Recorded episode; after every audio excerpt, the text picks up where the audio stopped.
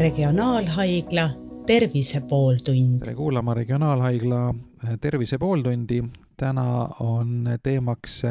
onkokirurgia ja me ajame sel teemal juttu doktor Tiit Suurojaga,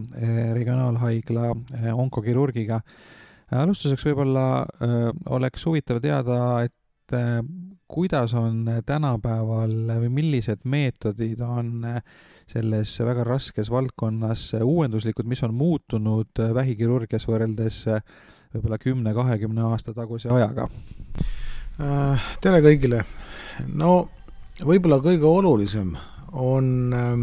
üldine onkokirurgiline teatud agressiivsuse langus. ehk siis kuna on juurde tekkinud väga palju muid konkureerivaid ja ka abistavaid ravimetoodikaid, ravimodaalsuseid, nagu me neid nimetame, siis sellest tingituna ja arvestades ka kaasaja tehnika ja teaduse saavutusi, on kirurgiliste operatsioonide maht, onkokirurgiliste operatsioonide maht üldiselt traumaatilisuse osas vähenenud. ja, ja siin on väga erinevaid, erinevaid meetodeid, kuidas seda traumaatilisust vähendada vot see on nagu niisugune, niisugune põhimõtteline paradigma muutus minu arvates, et on, et on traumaatilisus on vähenenud. Et ähm, teatud mõttes on see läbi teinud nagu, on nagu nähtav selline pendlimehhanism, kus kus algselt onkokirurgiliste lõikuste mahud ja, ja traumaatilisus oma niisuguse maksimumi või põhimõttelise maksimumi saavutas seitsmekümnendate, kaheksakümnendate aastate eh, jooksul. Ja nüüd just viimase kümne-kahekümne aasta jooksul on see pendel natuke jälle tagasi liikunud, operatsioonid on muutunud valikulisemaks ja üldine trauma ja organismi or,, ütleme siis riskantsus organismile on oluliselt öö, vähenenud. kas operatsioonide edukuse määr, ehk et nende patsientide hulk, kelle elu pärast operatsiooni läheb edasi, kes tervistuvad kas osaliselt või täielikult, on, on ka paranenud? Üldiselt iseloomustab enamikku vähipaikmeid siiski elulemusnäitajate pidev, mõne koha peal väga kiire, mõne koha peal aeglasem kasv, nii et üldiselt, kui me võtame sada tinglikku vähihaiget, siis kui me võrdleme võib-olla kaheksakümnendate aastate algust keskpaika nüüd praeguse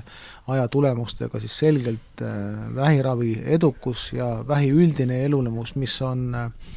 oma loomult kompleksnäitaja, on oluliselt Äh, parem võrreldes paarkümmend aastat tagasi olukorraga.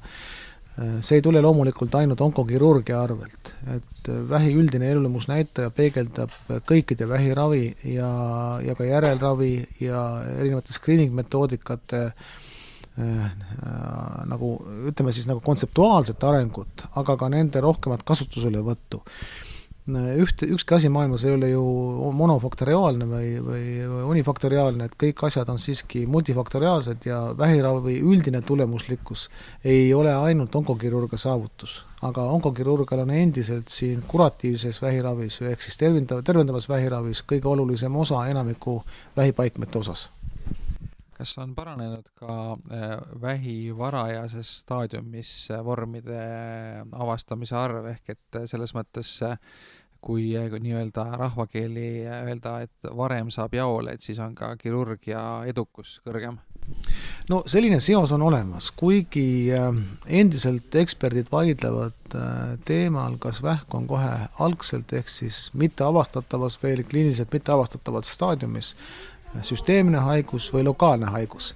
aga selline seos siiski üldreeglina joonistub välja, mida väiksem on kasvaja, seda paremad on ravitulemused samas väga kindlalt väita, et näiteks võib-olla pool aastat või mõned kuud varem avastatud vähk tingimata annaks äh, lõpptulemusena parema tulemuse, alati tõestada ei õnnestu. samuti on varajaselt avastatud vähi puhul äh, vähiravi traumaatilisus ja komplikatsioonirisk inimese jaoks ja lõpptulemusena ka tema elukvaliteeti mõjutavad järeltoimed oluliselt väiksemad kui suurema kasvaja puhul milline on praegu kõige levinum vähivorm ja milli, milline vähivorm annab kirurgidele kõige rohkem äh, tööd? No tegelikult, kui nüüd äh, rääkida üldiselt vähihaigestumusest, siis, äh, siis äh, see vähihaigestumuse struktuur on riigiti väga erinev. ja üldiselt võib välja jaot-, noh, või võib, võib välja tuua kaks gruppi, nii-öelda areneva, arenevate riiki või arengumaade vähihaigestuvus, millel väga suur osa on viimasel ajal üha rohkem kahjulikel harjumustel, aga infektsioossetel ehk siis nakkuslikel põhjustel ja arenenud maailma äh, vähihaigestumise struktuur, kus väga suur osa on, on elustiili faktoritel. ja Eesti vähihaigestumise struktuur tasapisi läheneb siiski ähm, kõrge arengutasemega riikide nagu Põhja-Ameerika, Lääne-Euroopa, Austraalia, Uus-Meremaa vähihaigestumise struktuurile. see struktuur on erinev meestel ja naistel ja noh, võib-olla kui välja tuua siin kõige olulisemad vähivormid äh, ka Eesti tingimustes, et siis kindlasti omaette probleemiks on, on nahavähk, nahavähki samas iseloomustavad väga head ravitulemused, ka melanoomi. hoolimata halvast kuulsusest on ka melanoomi, enamus mela-, melanoomide ravitulemused siiski väga head ja enamus inimesi selgelt saab ka melanoomist päris terveks teise, teise paikmena võib tuua nii-öelda välja sellised hormoon- või soospetsiifilised vähipaikmed, mis siis naistel on rinnavähk, väga sageli esineb, on probleemiks, ja meestel eesnäärmevähk. ja võib-olla kolmanda mainimist vajava vähivormina siis jämesolevähk, mis on, mis tabab mõlemat sugu ja on Eestis selgelt teisel, kolmandal, neljandal, olenevalt aastast kohal oma esinemissageduselt päris mitmetele vähivormidele tehakse ka sõeluuringuid, näiteks rinnavähile ja emakakaelavähile ja, ja jämesolevähile. Ja selle kohta ka on äh, teaduskirjanduses äh, kohati avaldatud arvamust, et, äh, et see viib ennast, viib, toob kaasa üle, ülediagnoosimise ja liigse paanika ja avastatakse võib-olla äh, selliseid äh, juhtumeid, mis, mis tegelikult ravi ei vajagi ja ja selles mõttes halvendavad patsiendi elukvaliteeti, et tal tekib sellest äh, depressioon ja ta muretseb ja, ja, ja, ja tegelikult nagu see sõeluuringu nagu kasu varjutab siis see, see ülediagnoosimise koll, et, et mis on teie arvamus selles seisukohas? Teie väide näitab tegelikult äh, teie sügavuti arusaamist probleemidest. absoluutselt kõik nähtused ja erinevad äh, ettevõtmised, mida me, mida me populatsioonipõhiselt või siis suuri rahvastikugruppe puutuvalt ette võtame meditsiinis, kõikidel nähtustel on lisaks äh, välja reklaamitud positiivsetele külgedele alati ka teatud negatiivsed küljed, ehk siis igasuguse süsteemi muutus toob enesega kaasa loodetavasti kasu, aga alati toob see kaasa ka mingisuguseid kah-, kahjulikke faktoreid, kahjulikke nähtuseid. kui nüüd jõuda tagasi sõeluuringuteni, siis üldiselt on maailmas olemas äh, kolm-neli äh, erinevat äh, vähipaiget, mille puhul sõeluuringud, nii palju kui seda on võimalik tõestada, on efektiivsed vähispetsiifilise elulemuse paranemisel. ehk nad vähendavad vähki haigestumist, sellesse konkreetsesse vähki haigestumust ja või parandavad ka elulemust selle vähi ravitulemuste nagu, nagu, nagu taga, taga, tagajärjel tõestatud efektiivsusega on sõeluuringud äh, rinnavähi, emakakaelavähi ja jämesolevähi puhul. See, millest te rääkisite oma sissejuhatuses, tegelikult puudutab natukene eesnäärmevähki, mis on hea näide, siin, siin on hästi kerge nagu eksida nii ühes kui teises suunas, ehk siis, ehk siis varajaselt avastatud vähi printsiip kehtib ka, ka näiteks, näiteks eesnäärmevähi puhul, aga samas on paljud erialaorganisatsioonid üle maa, maailma välja toonud ka riske, mis käib tõepoolest kaasas äh, kliiniliselt äh, inimese elu ja võib-olla ka lähema kümne-viieteist aasta jooksul mitte ähvardava kasvaja liiga varasel ravimisel, mis võib olla oma loomult agressiivne ravi. ja kui me lõppude lõpuks kokku loeme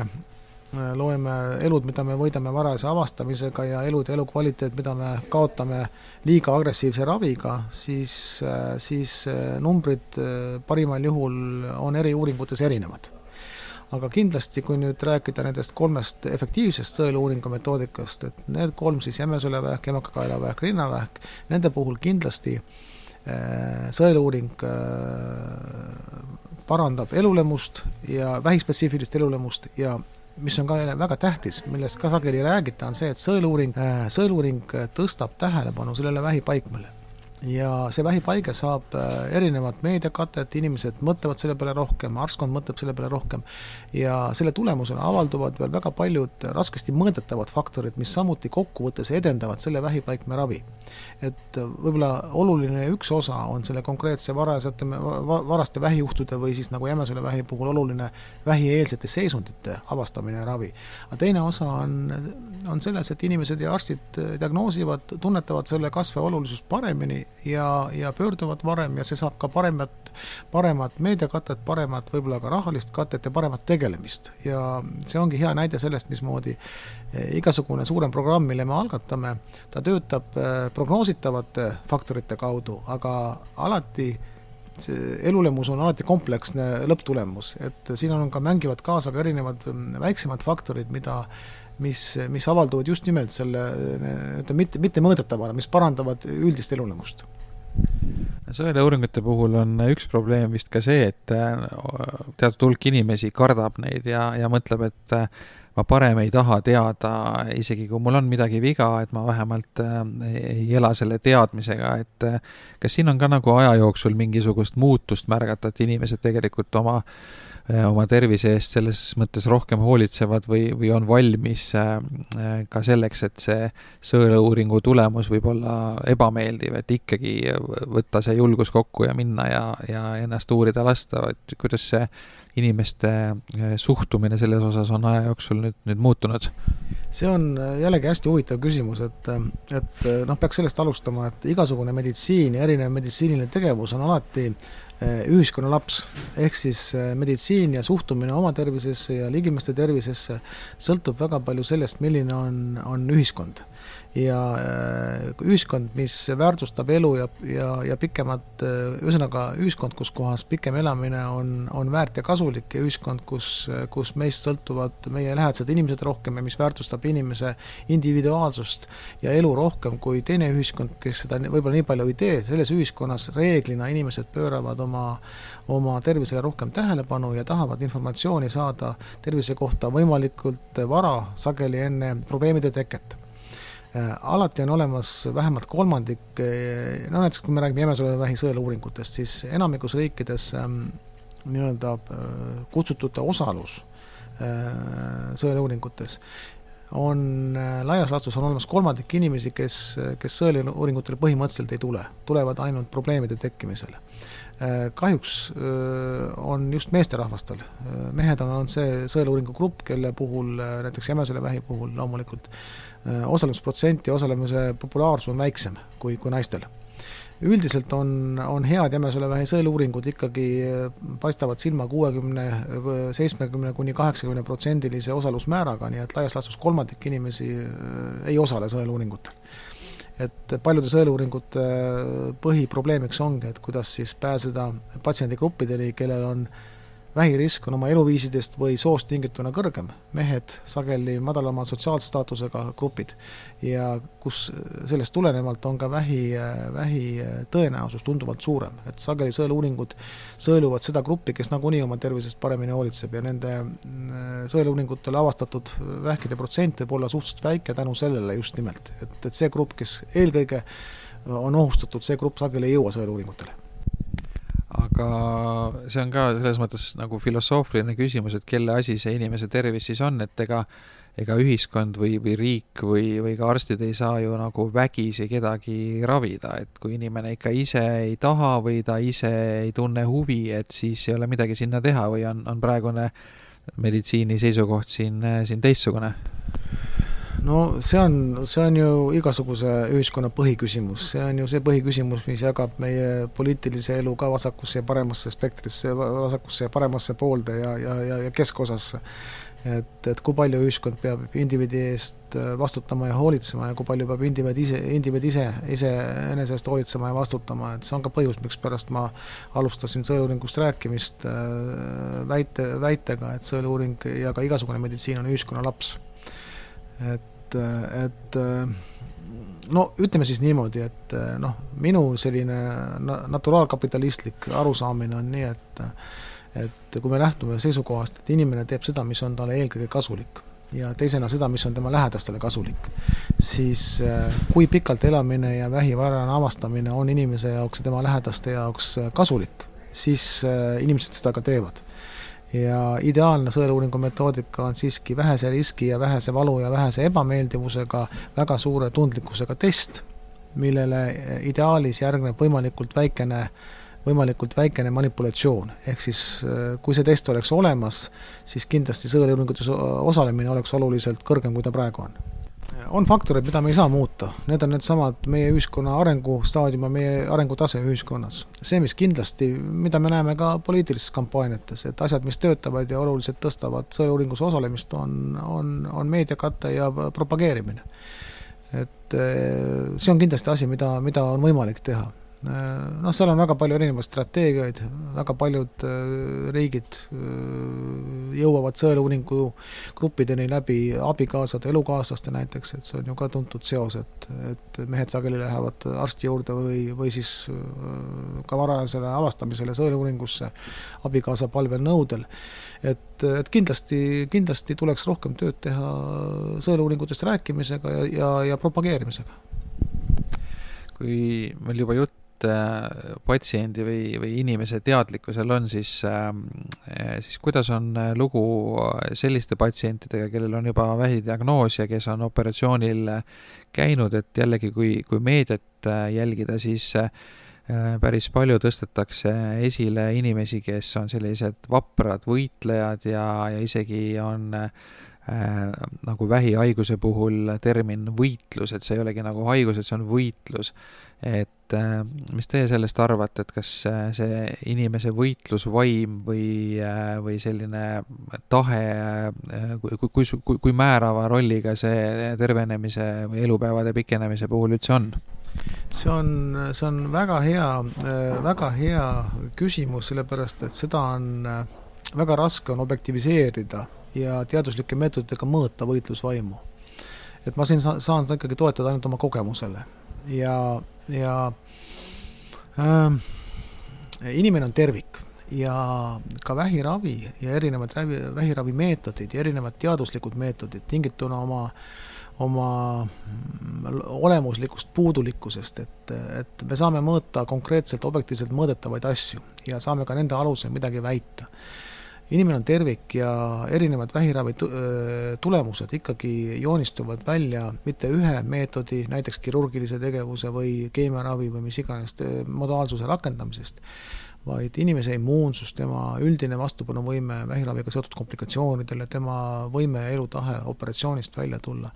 kõik need on ülimalt olulised osad, ka tema immuunsus sõltub väga palju tema mõtlemisest. ehk siis, ehk siis siit jõuame alguseni, et, et sellepärast ongi raske erinevaid vähiravimetoodikaid tegelikult päris lõplikult võrrelda, sest inimesed on erinevad just oma psüühiliste ja immunoloogiliste omaduste poolest ja need on omavahel lahutamatult seotud. väga suur osa süsteemravi ja ka kirurgilise ravi efektiivsusest langeb mitte konkreetselt sellele vähiravi meetodile, vaid väga sageli organismi oma immuunsusele, immuunpotentsiaalile, mis jällegi sõltub üldisest elustiilist ja ka mõtlemisest. nii et et äh, ütleme nii, et hea vähiraviarst on see, kes äh, arvestab vähiravi ordineerimisel ja vähiravi rakendamisel inimese omapära ja inimese omapära vormub kokku erinevatest faktoritest, kaasa arvatud elustiilist ja psüühikast. et kas siis äh, võib väita, et inimestel, kes hoolitsevad oma tervise eest rohkem, kellel on äh, tervist säästev elustiil äh, ja kellel on positiivne mõtlemine, on väiksem risk äh, haigestuda vähki? kui me jätame kõrvale selle, mida see inimene ei saa muuta, ehk siis pärilik äh, faktor, kaasasündinud geneetiline struktuur, mis siis vastavalt tõstab või vähendab äh, erinevate vähkide esinemistõenäosust. väga sageli ka geneetiline struktuur avaldub läbi inimese elustiili ja läbi inimese eluviiside ehk siis kokkuvõttes ma olen teiega nõus, et, et, et inimesed, kes, kes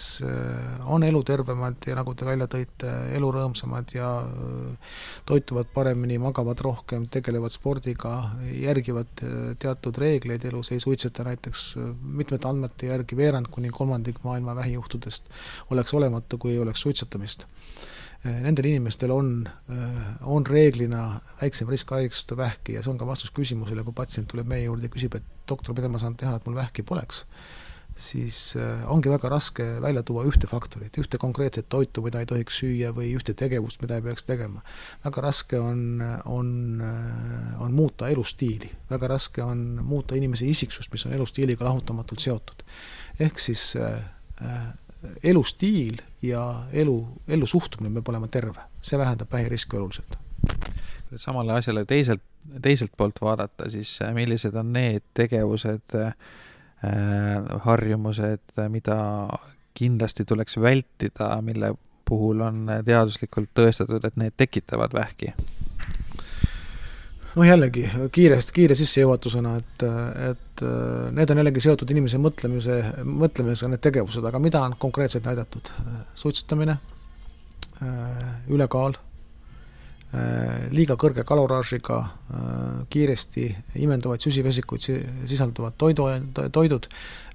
kõigi nende, nende väidete puhul on ju alati modereerivaid faktoreid. Et me ei saa näiteks väita, et kui inimene võtab korra kuus head ilusa tüki torti, et sellest nüüd mingisugust probleemi oleks. aga, aga näidatud tõepoolest on, et, et kaks olulist asja on suitsetamine ja kehakaalu kontroll aga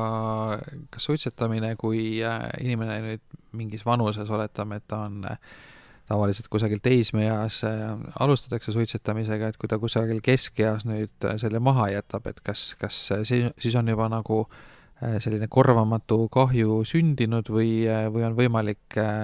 sellest taastuda, ehk et nüüd need inimesed, kes mõtlevad, et jätaks suitsetamise maha, aga siis mõtlevad, oo, ma olen juba kakskümmend, kolmkümmend aastat suitsetanud, et nüüd on juba hilja, et pole enam mõtet, mis te neile ütlete ähm,? no kõigepealt suitsetamine tõstab erinevate vähi, vähipaikmete riski erineval määral. mida on näidatud, on selge, on suitsetamise mahajätmine hakkab regresseeruvalt vähendama vähiriski väga sageli eluea pikkusest ei jätku, et see vähirisk viia mittesuitsetaja tasemele aga iga ilma suitsuta elatud päev on juba tillukene sammukene selle riski vähendamise suunas, nii et et suitsetamise mahajätmine kindlasti hakkab vähendama vähiriski, võib-olla elust ei jätku, et, et seda neljakümne, viiekümne aastast eelnevat suitsetamist äh, päris, seda riski päris nullini viia, aga riski vähenemine on selgelt näidatud ka inimestel, kes on suitsetamist loobunud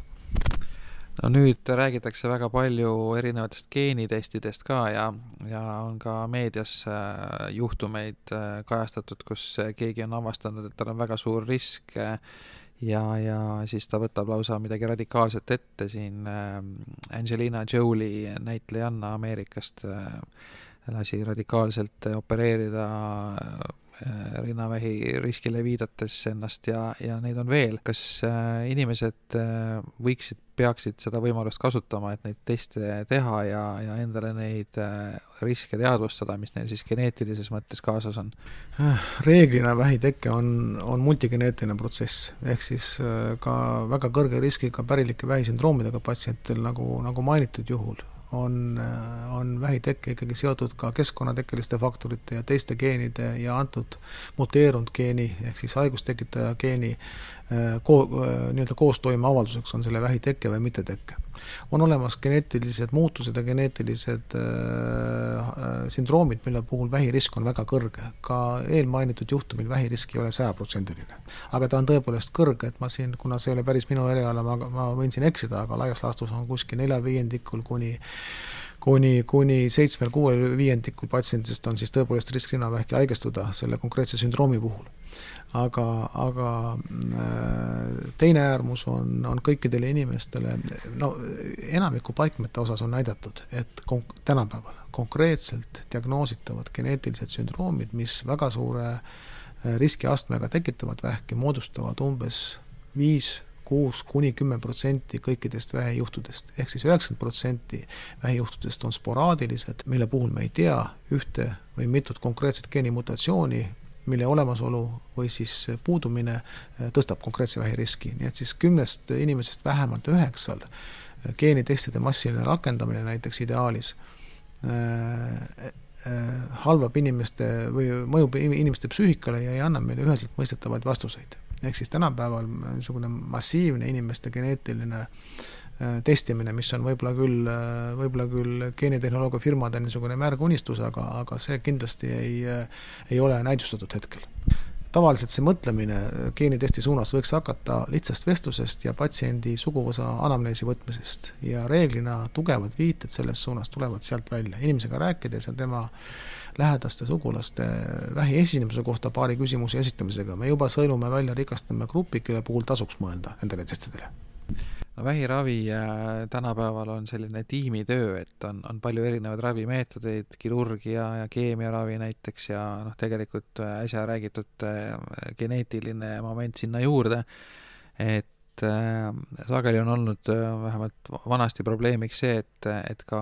ka arstid ja haiglad tegelevad mingi üksiku lõiguga, aga sellisest terviklikust ja erinevate spetsialistide koostööst jääb puudu, et kuidas regionaalhaiglas see on äh, lahendatud, et et erinevad spetsialistid koos ühe patsiendi tervenemise nimel töötaksid? no kogu regionaalhaigla vähiravi struktuur on ehitatud sellele põhimõttele,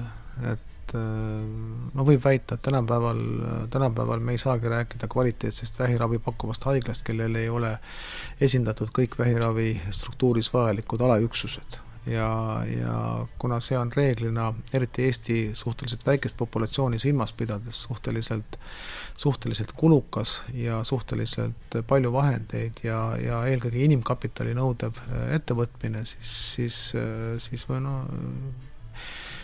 siis äh, need keskused ei, ei saa olla, äh, ei, seda kõike ei saa tagada, eriti Eesti tingimustes, kõikides haiglates. ja, ja, ja Eestis regionaalhaigla kui suurim vähiraviteenuse pakkuja, et meil on ikkagi äh, kõik olulised vähiravikeskuse äh, või äh,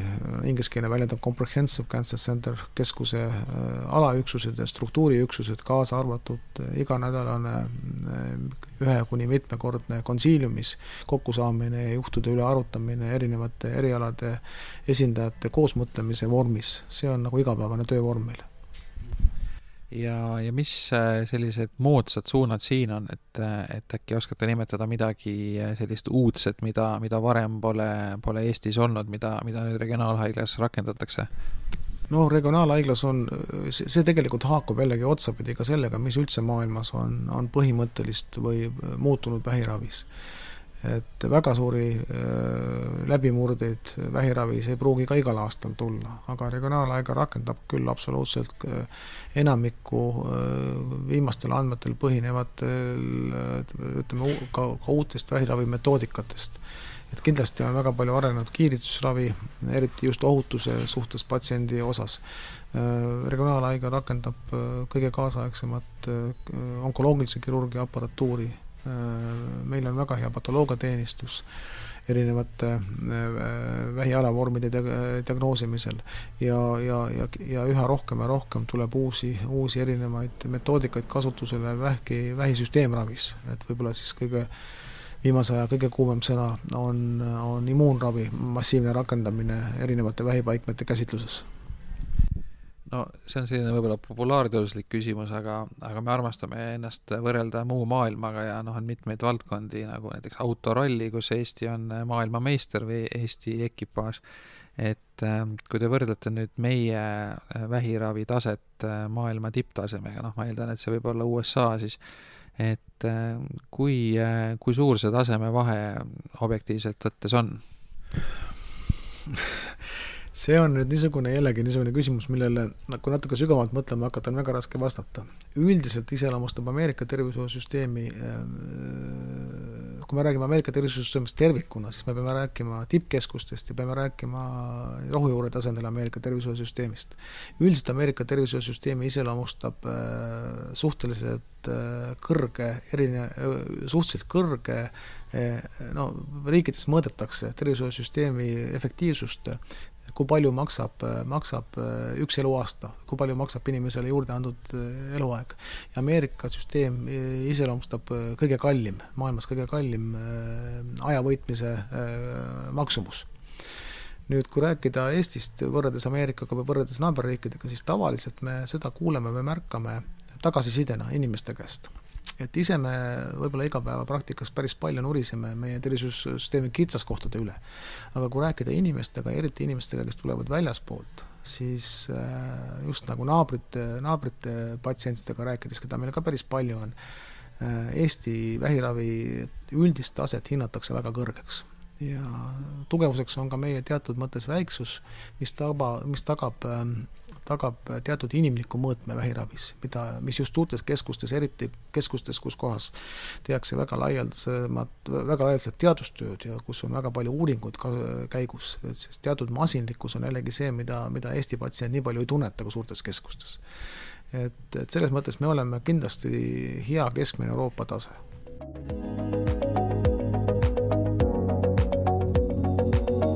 regionaalhaigla Tervise pooltund